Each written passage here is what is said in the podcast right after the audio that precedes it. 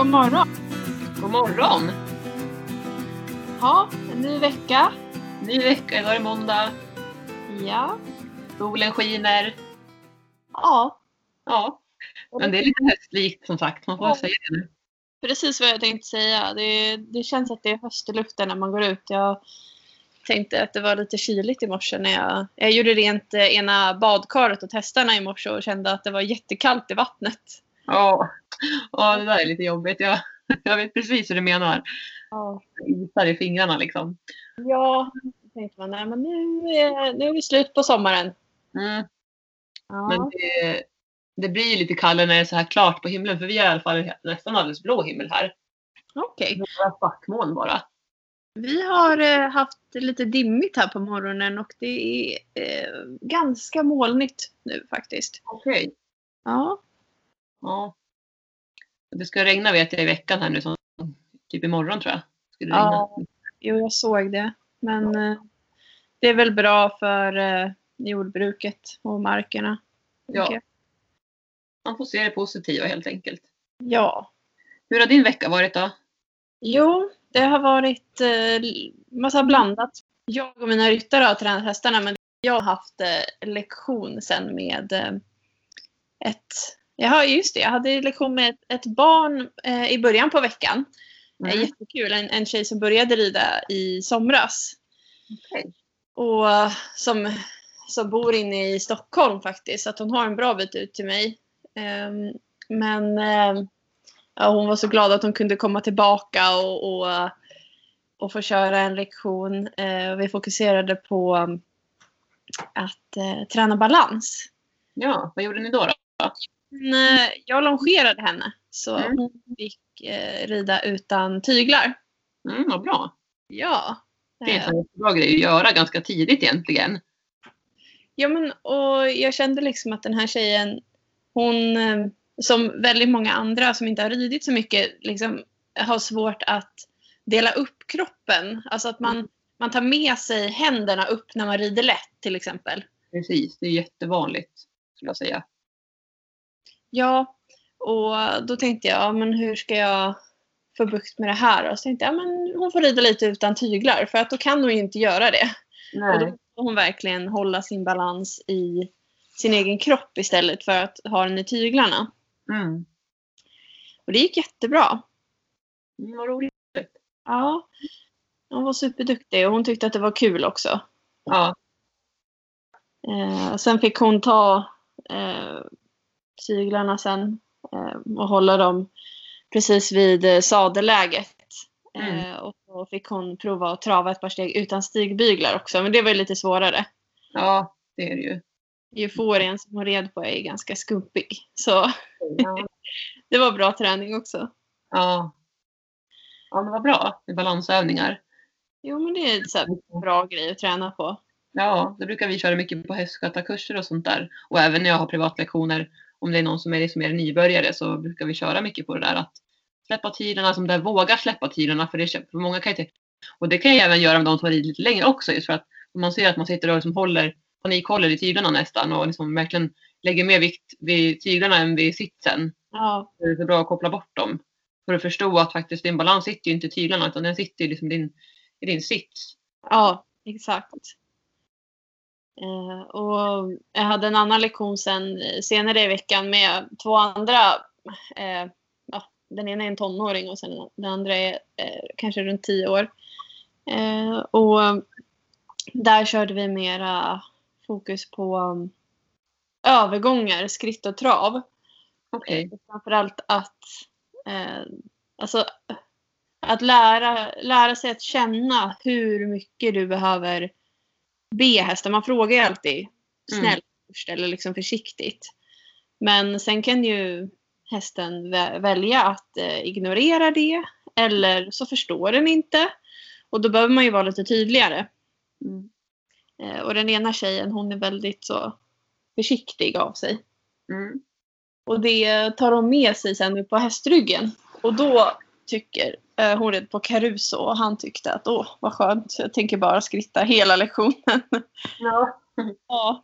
Så eh, fick kämpa lite där med henne och försöka liksom, motivera henne till att våga använda mer energi.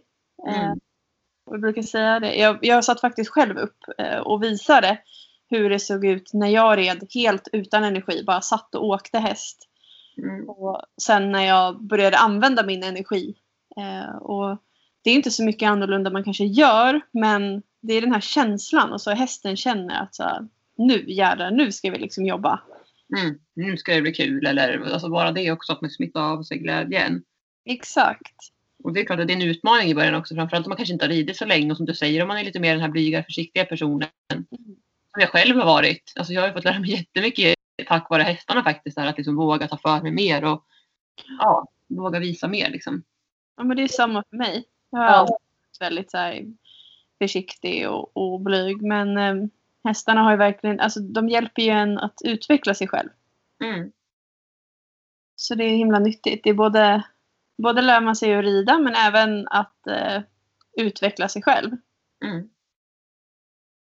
Vad, vad har du hittat på då? Om du ska berätta lite. Det har varit lite blandat men eh, när vi spelade in poddavsnitt förra veckan så vill jag minnas att jag sa att jag skulle ut och rida. Så vi red en sväng på Stubbåkern. Mm. Eh, Vi, gjorde, vi har ju gjort den, för er som har lyssnat till tidigare avsnitt så blev han ju lite pigg vid ett tillfälle och så, så vi valde att skritta bara den här gången då.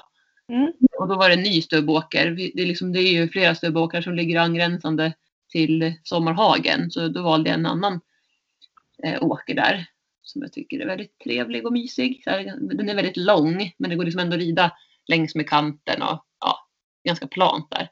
Så vi Mm. körde han tyckte det var jättebra. Han, han gick jättefint. Inga, så här, han hoppade inte till för någonting så det var skönt att, han, att det flöt på.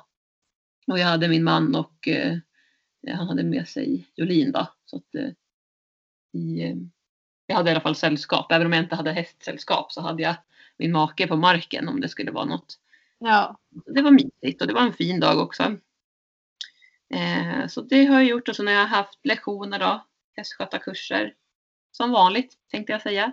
Ja. Eh, och sen så fick jag för mig här också, det var i förra veckan då, att jag skulle lastträna honom. Eh, för att um, eh, vi har, eh, nu när vi har byggt ut stallet eller liksom byggt till stallet med boxar och sådär så har vi vårat foder, alltså höet i hästtransporten. Eh, så det gör det lite komplicerat när man kan använda hästtransporten och det är lite nackdel. Eh, men vi får jobba på det till, till våren sen och bygga foderförråd och sådär. Men hur som helst då så börjar ju höförrådet sina så då tänkte jag men då passar jag på att lastträna honom nu. Lite grann försiktigt och han har ju då åkt lastbil då när han åkte hit men annars har inte han åkt någon transport vad vi vet. Möjligtvis när de flyttade honom när han var sex månader. Ehm, så det var ju verkligen nytt för honom så jag tänkte jag måste börja lugnt och försiktigt och bara att han får nosa på rampen och titta på hästtransporten. Så Ja. det gjorde jag. Så han fick nosa på rampen och tyckte liksom att han, han var lite så här, vad är det här för någonting och tittade lite omkring. Mest tittade han väl på våran gårdsplan där för att det var ju också ganska nytt. Där hade vi inte varit precis på det stället där hästtransporten stod. Så då fick han ju bara bekanta sig lite vid det först. I omgivningen och Herman Ingi stod också intill där vid hagen. Och sen så gick han och nosade lite på rampen och så, så var det liksom lite hö som låg kvar sen tidigare för att vi haft hö där inne. Så då stod han och åt lite och sådär. Så det gick bra, så gick vi tillbaka. Och sen så här i veckan igen så skulle jag åka och köpa hö för att fylla på. Mm. Men då måste jag testa att lasta honom igen för att ja, men så mycket som möjligt ändå liksom träna. Och då tänkte jag, ja, men vi kör en liten stund, han får nosa på rampen och vill han gå fram så får han väl göra det liksom. Så jag eh, hade repgrimman och långa grimskaftet och hade också ett litet spö i handen ifall att jag skulle behöva använda det och flytta honom med och så. Eh, så han gick och nosade där och det gick bra. Så tänkte jag, men vill han kliva upp med på rampen så får han väl göra det då. Men om vi säger så här, två kliv så var han inne i transporten. Jaha. Han är ju liksom, han är ju, han är ju mycket större än vad jag är van vid. Så han har ju långa ben. Så några kliv så är han bara inne. Jag har väl inte riktigt varit beredd på det. Tänkte men det går väl bra om han vill gå på så får han väl göra Ja. det. Han, han hade väl den inställningen att han har ju åkt då transport. Alltså han lastades ju flera gånger varje dag i nio dagar på väg hit Ja. Till Sverige. Så han var väl bara van att bara kliva på den där rampen. På den här lastbilen. Och då tänkte han väl kanske samma sak med mig. Och vi har ju tränat mycket från marken. Ehm, att det här med ledarskap och följa och så. Så han kände väl att han kunde lita på mig. Men sen kom det svåra. och då fick jag lite puls. Nej men då skulle jag ju få ut honom. Ja. Och bilen, då åker de ju i sidled så de vänder ju runt hästen och så klev han ju ner och liksom gick med huvudet före ner för rampen. Ja. Och när jag skulle då lasta av honom då ville jag att han skulle backa förstås för jag är ju ett vanligt hästsläp liksom. Ja. Eh, och då tyckte han att det var läskigt. Han trodde jag höll på att putta ut honom från ett stup tror jag. För att eh, rampen, han var ju inte van att backa från rampen vad jag vet. Det Nej. hade inte jag tänkt på. Jag tänkte mer sen gå upp från, för transporten. Oftast är det det man förväntar sig att det är det som hästarna har problem med, att gå in i transporten. Ja. Men för mig var det tvärtom. Jag fick problem att få ut honom. Eh, så vi lastade ungefär en timme. Vi på, liksom, eller lastade av rättare sagt. Ja. En timme stod vi där inne. Eh, och tack och lov har vi tränat mycket på det här med att backa och sådär. Så han lyssnade ju verkligen. Han försökte verkligen. Han kämpade. Han blev, han blev ganska stressad och tyckte men gud vad ska jag göra liksom. Han flyttade bara fram benen i början och ställde bakbenen liksom i, i kanten mellan rampen och golvet. Okej. Det går ju inte att backa. Jag har ju ingen mark bakom mig liksom. Nej. Jag tror att det var så han tänkte. Och som vi brukar säga, hästar är ju ärliga. De gör ju det som känns rätt för stunden. Ja. Men till slut så fick jag honom att ta liksom ett bakben på rampen och då var det verkligen så belön, belöna och berömma eh, honom massor så att han skulle känna att han hade gjort rätt. Och det körde jag hela tiden, pratade lugnande med honom och berömde, gav eftergift när han backade och så vidare. Mm. Eh, så jag fick honom verkligen att ta ett steg i taget. Men när han väl tyckte att nej, nu blir det för läskigt. När han till exempel stod med båda bakbenen på rampen, då ville han ju gå fram. Hur den är, hästar är ju starka, det vet vi alla som håller på med hästar. Liksom, att de är starka och vill de, vill de ta sig fram så gör de ju det. Ja. Jag var ju noga med att jag stod framför så gott jag kunde, men jag hade ändå den här stora pelaren i mitten. Och jag hade även bommen på ena sidan eh, där framme som de har framme liksom i bringan för att de inte ska kunna gå fram i transporten längst in så att säga. Jag hade ingen mellanvägg för jag tänkte att den, den kan lika bra vara bortplockad eftersom att vi inte har använt den på länge när vi har hämtat. Där. Jag tänkte den, den får vara borta och tänkte det blir inte lika klaustrofobiskt heller att inte ha den där. Eh, men hur som helst så Ja, det var någon gång som han kom snett på rampen. Han, tyckte, han ville liksom titta bakåt men jag var noga med att ha huvudet mot mig hela tiden. Så att han inte får för sig att liksom dra runt och komma runt och gå ut andra vägen som han är van vid att gått ut. Mm. Huvudet före. Så att jag var noga med att ha huvudet mot mig. Men samtidigt så fick han ju titta när jag kände att han stod still och var lugn. Så fick han ju titta runt omkring och så. Eh, Men han trampade snett en gång på rampen och, och efter det tror jag att det var då han blev lite mer, fick lite mera panik. Eller panik kanske är fel ord men han blev mer stressad och ville verkligen, då ville han gå fram. Så, så fort han tog ett kliv bakåt, jag blev römde, så kände han nej det här var för läskigt och så sprang han fram Ja. in i transporten igen. Så höll vi Okej. på sådär. Um, men till slut så fick jag honom, liksom, vi stod lugnt och bara andades, tog det lugnt. Till slut så fick jag honom ändå backa några steg igen så att han stod med alla hovar fram, eller med, de, med bakhovarna på rampen. Framhovarna precis på kanten på golvet innan liksom rampen började om man ska säga. Ehm, och till slut så kände jag att paniken, vi skulle åka iväg och, eller stressen, vi skulle åka iväg och köpa hö och min man skulle iväg på andra ärenden. Och han var lite tidspress, du vet. Plus att han var väl nervös att det skulle hända någonting också. Så jag kände bara så här, nej. Och så kom tårarna för mig. Ja. Och det, är ju, alltså, det blir ju sådär lätt att när man känner, man, dels var det själv för att göra illa sig. Ehm, för det är ju stora djur vi handskas med. Det ska man ändå vara medveten om. Och blir de rädda så reagerar de ju i panik. Även om man har tränat mycket på att man ska få dem lugna så vet man ju aldrig vad som kan hända. Så det var nog både det som, som kom och sen stressen och tänkte hur ska jag få ut honom liksom. Och så tänkte jag stackars häst som är, att han var stressad och rädd. Det var inte det vi hade planerat för och det gick ju väldigt bra i början. Eh, Men hur den var så stod vi där liksom och tårarna föll och jag kramade om honom liksom och till slut så var det som att då sänkte han huvudet och verkligen lugnade sig. Då kände han att okej, det, är ingen, det är ingen fara. För Mm. det här är ju en väldigt känslig häst. Och det märks ju.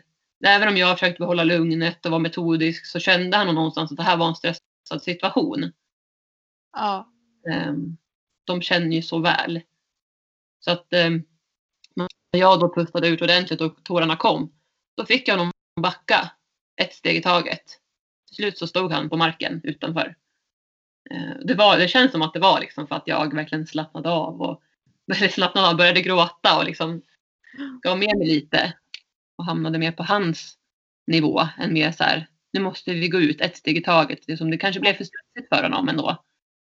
Även om jag stod och pausade och liksom stod stilla, han fick ta ett steg i taget. Så någonstans så kände han ändå kanske den här stressen. Ehm, så, men det lustiga var ju när han sen klev på rampen med framhovarna, då stod han verkligen och hängde på hela rampen. Som att han skulle gå omkull. Han visste liksom inte hur han skulle hålla upp kroppen. Okej. Eh, och det var lite så här, okej. Okay. Men det är väl typiskt så här ung häst också. Att, och som jag har sagt tidigare också, att han är ganska obalanserad. Mm. Han har mycket med det här att hitta sin egen balans. Så efter det sen så har vi tränat mycket på att backa upp och ner för nedförsbacke. Som inte vår ridbana till exempel så har vi en liten backe ner för in på ridbanan. Så den har vi backat upp och ner för flera gånger och tränat. Så det är där jag kommer börja istället för att göra samma sak i transporten. Ja, så det var ju en händelse då som, var, som gick bra men som ändå var ganska lite traumatisk kan jag säga själv som ändå inte har jättemycket vana av hästar som jag själv väger som är svårlastade. Liksom. Nej, och det är lustigt det där för att jag, jag tänkte exakt på samma grej igår när jag kom hem från eh, eh, jag hade varit iväg på en grej som jag kan berätta lite mer om sen. Eh, och då när jag skulle lasta av hästarna så tänkte jag på här, just det här med att backa av.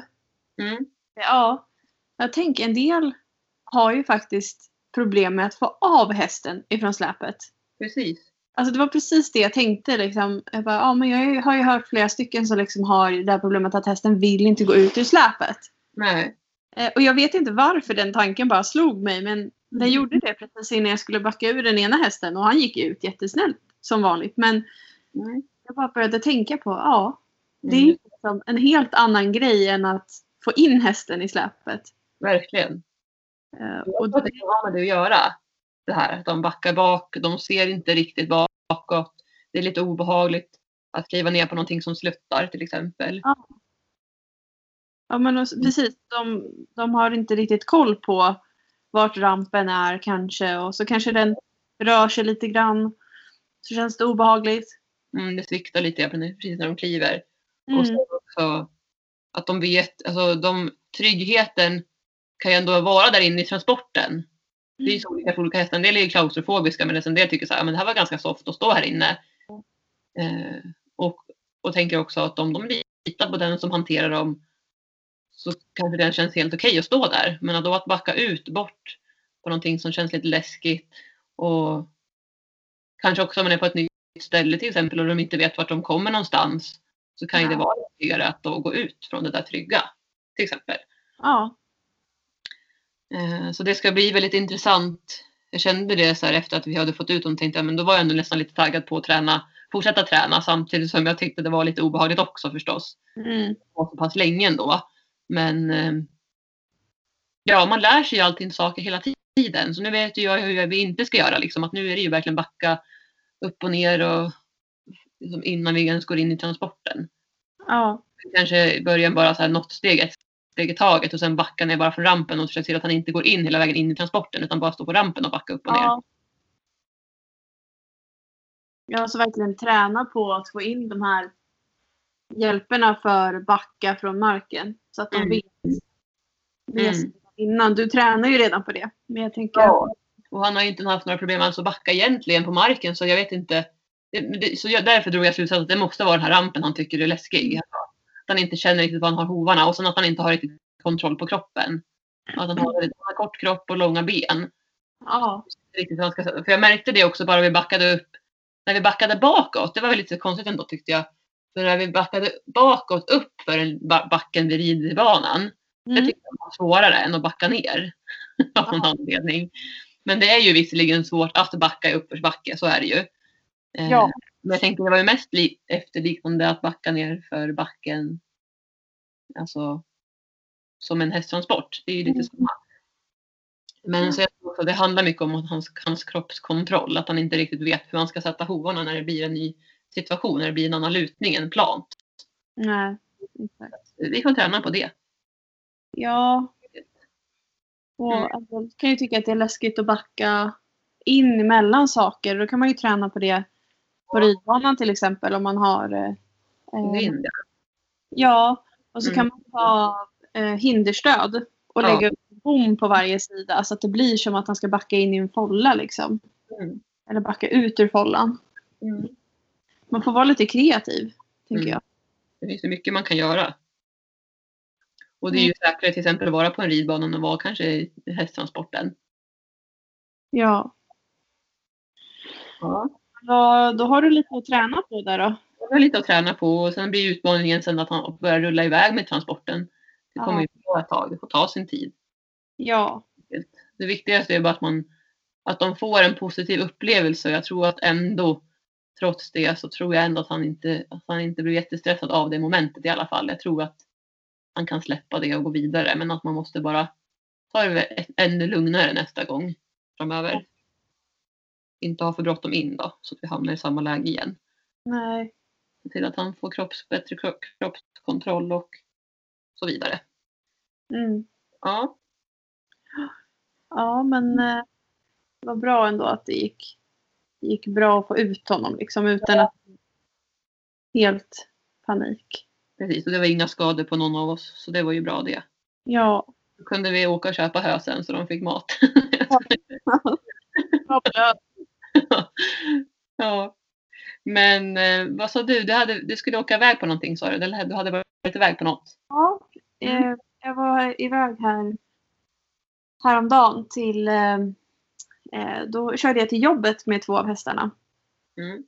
Eh, och jag hade tänkt ta eh, Euforian och Abbe egentligen för att de är väldigt bra på att skritta långsamt och vara lugna. Och vi, vi skulle nämligen på en, eh, vi skulle delta i en pilgrimsvandring som mitt jobb brukar arrangera då och då.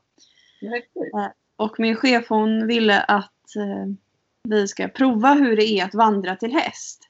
Mm. Och då är man ute i stort sett ja, men en hel dag. Eh, man går inte jättelångt för att det är många äldre som är med och sådär. Så att det, vi skulle vandra 15 kilometer och det är väldigt långt för någon som är 70 plus eller kanske till och med närmare 80. Mm. Eh, så um, vi, eh, vi skulle vara ute länge från halv elva till fem. Mm. Och sen var det ju massa pauser däremellan då. Det kanske var sammanlagt två och en halv timme paus eller något sånt Okej. under den här vandringen. Eh, Men då hade jag tänkt att jag skulle ta Euforian och Abbe för att de är så, de skrittar långsamt, de är lite mindre. Eh, Och sen så är de ganska duktiga på att liksom stanna och stå still och ha tålamod. Men av olika anledningar så kunde jag inte ta de två utan då fick jag köra reservplanen och det var Shaman och Caruso. Eh, och eh, ja, Shaman han eh, tog det hela med ro. Han var jätteduktig Mm. och fattade ganska snart att, eh, att ja, men det var ingen tävling vi skulle åka på. Nej. Caruso han var, han är ju lite yngre. Mm. Hur gammal är Han då?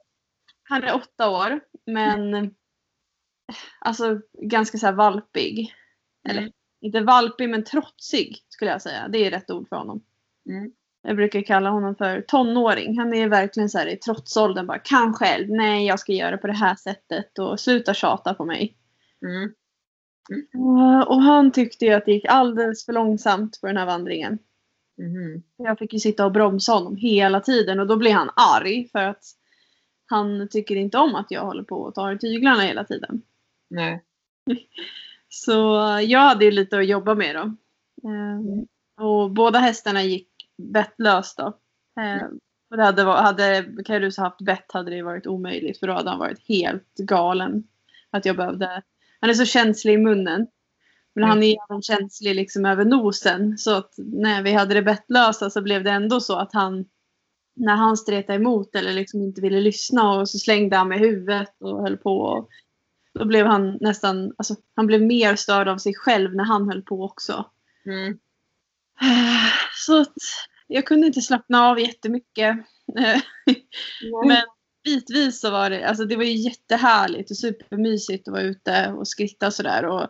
Mm. ehm, eh, även om hästarna kanske tyckte att det var lite tråkigt att stanna och ta många pauser så tyckte de att det var härligt att eh, beta. Det fanns massa gräs och buskar och sånt de kunde tugga på. Och, en soft tur för dem. ja, verkligen. Mm. Och Caruso då som hade gått åtta mil helgen innan Ja. Och- galopperat igenom åtta mil. Han tyckte ju att vad är det här för larv? Jag ska ju ut och visa upp mig. ja. Så vi kan bara skritta där i, på ett led. Ja. Ja, ja. Men eh, nej, alltså, jag var, det är ändå, vi var ute i sex och en halv timme. Mm. Och det är ändå alltså, jobbigt för hästen att vara ute i så många timmar. Det är ingenting man gör med en häst som inte är distanstränad. Nej, precis. Nej, det kan man inte. Nej. Så um, det var lite planering innan. Så här, Otto, min sambo, fick möta upp oss på två ställen och se till att hästarna blev erbjudna vatten och, och Mm. hö. Och så lite äpplen och annat smått och gott. Mm. Caruso han drack faktiskt i en sjö som vi red förbi. Så att han, han försedde sig med vatten längs med vägen. Mm. Schaman han, var inte, han blev inte törstig på hela dagen för att det var ju inte, alltså de svettades ju typ ingenting. Även om det var jättefint väder, typ 17 grader varmt och sol så blev det ju inte, det är inte den ansträngningen. Så de gjorde Nej. inte av med så mycket vätska i kroppen heller. Så um, ja, vi, vi red från eh, Roslagsbro där jag jobbar ut till Vätö där jag också jobbar. Och det, Vätö är ju en, en ö som ligger utanför Norrtälje. Så sista biten fick vi liksom rida över Vätöbron. Mhm. Som är väldigt högt upp och ganska lång. Jag vet faktiskt inte hur den bron hur den ser ut. Jag vet inte om jag åkt där. Jag kanske har åkt där någon gång men jag kan inte placera. Nej, alltså den är ju inte superlång men den är väl eh, i alla fall så att det tar ett par minuter att gå över den. Mm. Okej. Och det kom en del trafik och de körde ju som galningar alltså. Det var lite läskigt faktiskt. Ja, och hur gick det då liksom? Alltså, Ja, eller gå, alltså var det någon gång väg? Nej. Nej. nej, det var typ en vägren som kanske var en meter bred eller något. Det var inte mycket vi hade att spela på. Men själva vägen är väldigt bred i sig över bron. Ja. Så att det gick ju liksom bra men eh, ja, det var en bil som passerade. Jag skojar nog inte om jag säger att jag hade 15 centimeter mellan mig och, och bilen när jag satt på hästen. Usch. Det var helt sjukt. Så körde så otroligt nära. Oj. Ja, och den körde tack och lov inte så snabbt i alla fall. Men ändå, det är konstigt. Oj, oj, oj. Ja, det är liksom inga, det är inga fordon, alltså maskiner vi har liksom. Nej, verkligen inte. Nej. Nej, men eh, som sagt, det var en himla härlig dag och eh, vi fick se väldigt många fina miljöer. Någon gammal kvarn och så var vi nere vid två olika badplatser. Och, så um, ja, det är fantastisk natur där ute där jag jobbar. Mm. Eh, och um, sen sista biten så fick eh, min chef också rida på schaman. Mm. Så hon, var, hon var jätteglad att hon kunde sitta upp och, och rida och liksom få, få ta del av vandringen från hästryggen. Mm. Vad häftigt att ni gjorde den där Ja, med hästar. alltså bra träning för hästarna som sagt och samtidigt så här, förena nytta med nöje liksom. Ja. Eh, så jag hoppas att vi kommer kunna göra det vid något annat tillfälle. Ja. Eh, och majoriteten av människorna som var med, vi var ju runt 30 personer. Eh, Mm. Majoriteten av de som var med tyckte att det var jättekul att hästarna var med. Och att det liksom livade upp stämningen och att det var härligt att höra liksom när de skrittade på asfalten och, eller på grusvägarna. Man hörde det här liksom hovarna ner i marken. Ja. Ja, Mm. det kommenterade de igår på hästskötarkursen. Åh, det är så härligt när man hör hästarnas hovar i, i asfalten. Där. Ja. Det här klapprandet.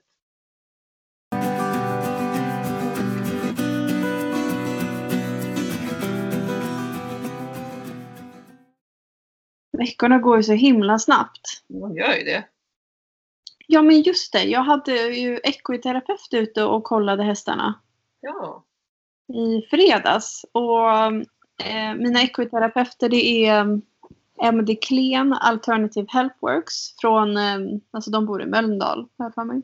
Mhm. Det är en bra bit härifrån. Mm, där har jag varit mycket på, på mitt företags Ah, tillställningar. De håller ju till där i Mölndal. Okej. Vårt huvudkontor ligger där. Ja. Jag vet precis det är. Ja men det är, jag har ju varit nere i, jag var på, jag var på Göteborg Horse Show. Och Ja. Jag har inte varit just i Mölndal så. Men eh, det är fint där nere i Sverige också. Ja. Eh, ja men i alla fall. De bor ju en bit bort. Även om de är uppe och behandlar hästar här i Stockholmsområdet en del så kan de inte komma till mig varje månad. Eller så. Nej. Nej. Och dessutom så eh, jag, jag har ett samarbete med dem. De har sponsrat mig i ja, det är mer än fem år tror jag. Det är ett fantastiskt eh, samarbete med otroligt duktiga ekoterapeuter som, som hjälper mig att liksom hålla hästarna i bra form och kolla att det inte är några konstigheter med dem. Vad skönt att ha det. Ja, Mm. och de, de kom senast i maj. Eh, så att det var ju ett tag sedan. Ja. Och eh, då var det en del att, att fixa på några av hästarna. Eh, några, inte, inte jättestora grejer men ändå alltså, helt normalt slitage precis som vi får i kroppen. Ja. Lite sne eller så. Mm. Sen nu i fredags så kollade jag sju stycken av hästarna. Mm. Och det var i stort sett ingen av dem som hade någonting vi behövde fixa. Det var helt fantastiskt. Men vad skönt. Ja, eh, och Caruso var en av dem som kollades så då hade han gått åtta mil ja, sex dagar tidigare och Mm. hade ingenting liksom. Han, han har ju tidigare varit sne i kroppen. Han var ganska mycket sne i maj när de korrigerade. Eh, och det är ett problem i, i hans bakdel som han har haft under väldigt lång tid. Eh, Shaman har samma sak. Eh, och jag också. Mm. Och då blir det ju att musklerna liksom drar lite snett hela tiden. Om man inte jobbar med att bli mer jämn, alltså liksidig och starkare i andra sidan. Så att eh, uppenbarligen har vi lyckats eh, genom dressyrträning tror jag framförallt eh, lyckats hålla honom jämn, jämnstark. Vad roligt.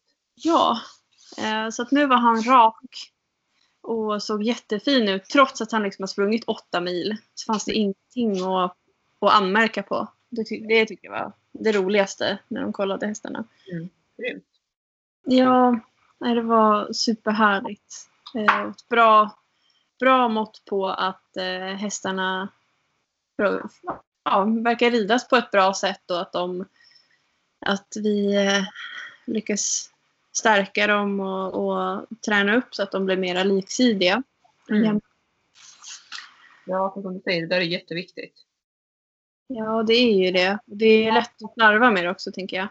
Mm. Jag, jag vet inte om jag har sagt det, men jag går en online-kurs nu.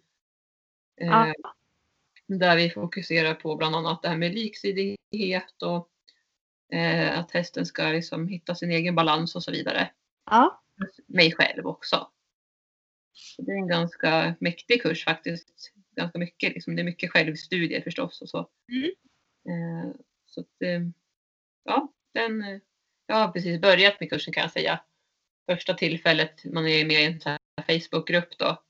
Så då Ja. kommer det vara den 17 september. Okej.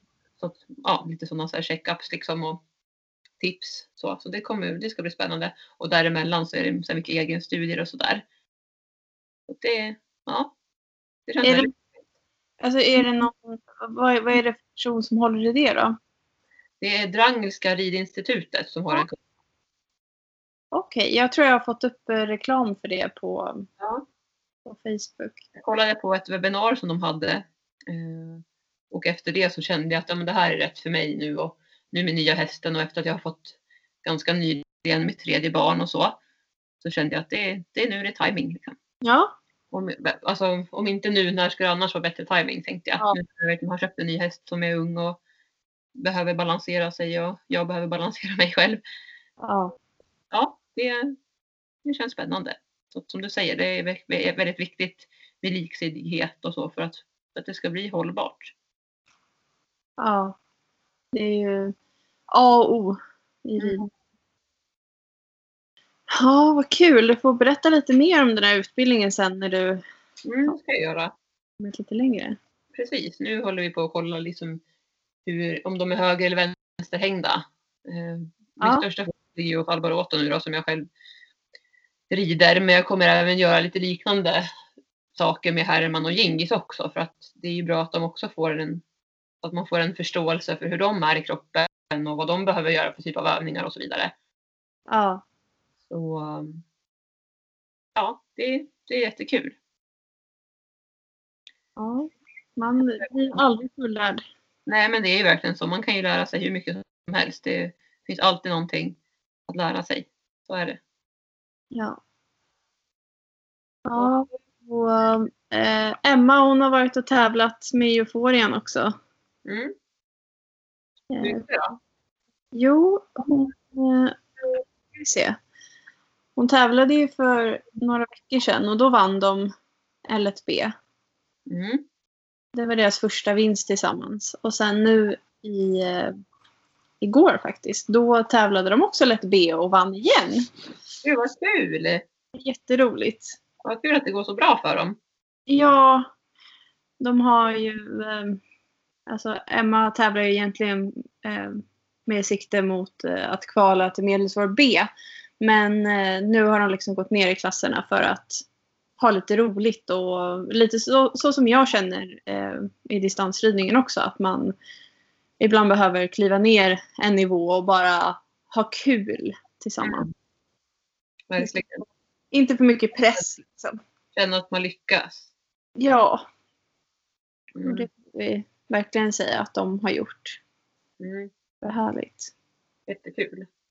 Ja, Är det någonting annat som har hänt då för dig? nej men det är, det är liksom mycket på gång nu med äh, arbete och så. Som jag har nämnt att det är mycket, mycket Mm. som avslutas på mitt jobb. Eh, sånt som liksom ligger kvar sedan våren som vi behöver avsluta nu under hösten. Mycket, mycket i september. Mm. Så eh, den här veckan är det väldigt mycket eh, administrativt och liksom personalmöten och sånt där. Så eh, jag kommer ha lite svårt att hinna med ridningen tror jag. Eh, jag kommer hinna träna en del men eh, några dagar då, ja, då kommer jag vara på jobbet hela dagarna. Liksom. Mm. Har du hjälp från andra som rider? Ja, mina medryttare kommer ju ut i veckan då. då. Så, Mm. så får jag lite avlastning så får vi se. Vad, ja. jag, jag prioriterar ju de hästarna som ska tävla härnäst. Mm. Och de andra som kanske inte ska göra det, de får, ja, de, de får lite färre pass kanske. Mm. Men det gör ju inte så mycket. De är liksom vältränade och fina i fin form ändå. Mm. Det Ja. låter bra. Ja, vad ska du hitta på något kul då? Ja, jag ska faktiskt rida idag tänkte jag. Mm. Eh, jo, jag ska berätta det också att igår, efter, hovslagen var här igår på, på förmiddagen och skodde hästarna och Alborota har ju haft som broddar i bak, på sina bak, eller på alla sina hovar, eller skor. Så att eh, de hovslagen var här plockade bort dem igår och satte på nya skor. Då. Okej. Så släppte jag ihop eh, Herman och Alboroto för första gången. Nu har han ju varit här lite mer än en månad så att eh, Eh, och i och med då att vi plockade bort broddarna så kände jag att men nu testar vi och innan det ska regna så mycket här nu och bli lerigt och sådär så tänkte jag att det är lika bra nu innan de, springer runt och halkar och gör illa sig av den anledningen i hagen. Eh, så vi släppte ihop dem igår. Jag var tvungen att bygga om hagarna lite grann och så hade jag ju hästskötarkurs på eftermiddagen så att det blev ganska sent jag släppte ihop dem så att det var strax efter sju igår kväll. Och nu, det märks att det börjar bli mörkt på kvällarna ganska snabbt, strax innan åtta nästan nu ju. Eh, men det, vi hann med det bra och det är så, vi har ju delat av hagarna med en, liksom en spalt emellan dem så att de inte ska kunna nå varandra över hagarna, över staketet. Då. Så där har det ju börjat växa upp gräs, ganska mycket gräs ändå. Och det kanske, vad kan det vara, en två meter brett och kan det vara en 10-15 meter långt kanske. Mm. Eh, Så att där eh, fokuserade de då på igår att ställa sig och äta direkt. Så det var väldigt odramatiskt kan jag säga när vi släppte ihop dem. Och det var ju skönt att det var så liksom. För jag hade ju förväntat mig det värsta liksom att de skulle sparka varandra och skada varandra illa. Men eh, det gick väldigt bra. Eh, Gingis fick jag gå i hagen intill då så att Herman, ändå Herman skulle ha koll på att han var där och att han skulle se vad som hände också. Så det var liksom inga konstigheter. Så jag hade koll på dem där hela kvällen och sen strax efter nio så tänkte jag men nu ska jag börja ta in dem. Då hade de ändå gått ett par timmar tillsammans. Eh, men då hade de ju slutat äta då, och så stod de och typ försökte klia varandra. Ja, men de stod och nosade på varandra först. Och, Ja. och gick omkring där och det var någon liten skrik så där, men inga, inga hovar eller någonting i luften. Utan bara så här, det var Herman tror jag som markerade lite. eh, Som sa ifrån liksom. Så det verkar som att det är Albor Alborota följer ju Herman och lyssnar på honom hittills. Eh, Sen så tog jag in dem sen över natten för jag ville inte ha dem ute i hagen tillsammans utan uppsikt. Så de fick gå in igår kväll och sen i morse nu så tog jag ut dem igen då i separata hagar eftersom att vi skulle spela in podd och frukost och satt man så jag ville ha koll. Ja. Eh, Så att jag ska släppa ut dem igen här nu då efter vi har spelat in podden här, avsnittet här. Nu och så ska jag gå ut och ha lite Vad. Ja, ja, men det känns roligt. Men sen vet man ju också att en spark kan ju komma lite när som helst. Så att det handlar bara om att eh, ha lite uppsikt helt enkelt och tänka efter innan man gör saker. Ja. Ehm, och sen så ska jag släppa in Dingis också. Jag, vad säger du där? Tycker du att jag ska göra det idag? Ehm, ja, alltså om det funkar bra med Herman och Alboroto så borde du kunna göra det. Ja, eller hur? Ja. Jag är lite mer nervös över det när de kommer in tre stycken. Liksom, om de försöker konkurrera ut den ena eller något. Ja. Dingis är ju så liten också. Det är som en liten shettis med Alboroto på 1,60 så att det blir lite storleksskillnad. Men Gingis är ju lite kaxig han också och det kan väl vara lite på gott och ont. Så det ska bli intressant att se. Men Alboroto var väldigt nyfiken på honom igår här över staketet. För nu hade de ju bara en tråd emellan istället för två liksom. Förr kunde de inte nosa på varandra över hagarna. Men nu igår kunde de ju göra det. Och det roliga var att Herman så fort Alboroto gick fram och skulle hälsa på Gingis då kom Herman fram springande och bara så här, vänta nu här är jag liksom. Och kom, han ville ha koll på dem, vad de gjorde. Så först gick han iväg och skulle äta gräs. Men sen när han såg att Alboroto gick iväg då sprang han tillbaka igen. Ja. Ja. Nej, men eh, jag tänkte jag släpper ihop Herman och Alborota först här nu. Och sen efter en liten stund om det verkar gå bra så där så då tar jag in Gingis också en liten stund. Så, de, så får vi se hur de ger upp då. Ja. Jag hoppas att det går bra. ja, vad spännande. Så jag och Linus, jag hade röstat med, med hjälm och Linus fick hjälm. Jag hade till och med tagit på mig en väst. Jag hade röstat med några longerspön. Så jag tänkte om vi behöver sära på dem. Så vi hade det. Men det är ju så, man måste ju man får ju göra det man kan, för man vet ju aldrig. Och helt plötsligt så är olyckan framme eller att man måste sära på dem och då är det bra att vara förberedd så att man inte ska springa och leta eller springa och hämta grejer liksom. Nej. Att man själv också ska vara skyddad om det händer något. Ja, exakt. Man vill ju ha allt på sin plats innan så att man inte, som du säger, behöver springa iväg mitt i allt. Eller hur? Ja, men det kommer säkert gå jättebra. Jag hoppas det. Det märks att Arboroto är ung och busig. Ja. Så att vi får väl se hur länge Herman pallar honom. pallar med honom. Ja. Eh, han, alltså, ja, peppa peppa, det är ju ändå skönt att se att Herman är lugn och jag tycker att det är skönt också om han får vara den som är flockledaren som han alltid har varit i alla år. Så hoppas jag att han ska få fortsätta vara det. Men faktum var att det var faktiskt Herman igår som gjorde, sparkade bakut och sprang iväg, gjorde några glädjeskutt. Det var Herman. Farbror han stod där och tittade på Herman och undrade vad håller han på med? Så. Ja, så det var lite faktiskt. Med en ny kompis. Jag tror det. Det känns som att han tyckte det. Ja. Ja, så fortsättning följer. Så Ja. att, eh, ja, så det, det var ju det som har hänt som sagt den här veckan för oss båda. Så får vi se nu vad som händer den här veckan. Men jag har lite hästskötarkurser och några privatlektioner inbokat och sen är det ju mycket med mitt andra jobb också. ja, Det rullar på. det gör ju det. Ha det så bra, en fin helg när det här avsnittet släpps. Ja. Hej då!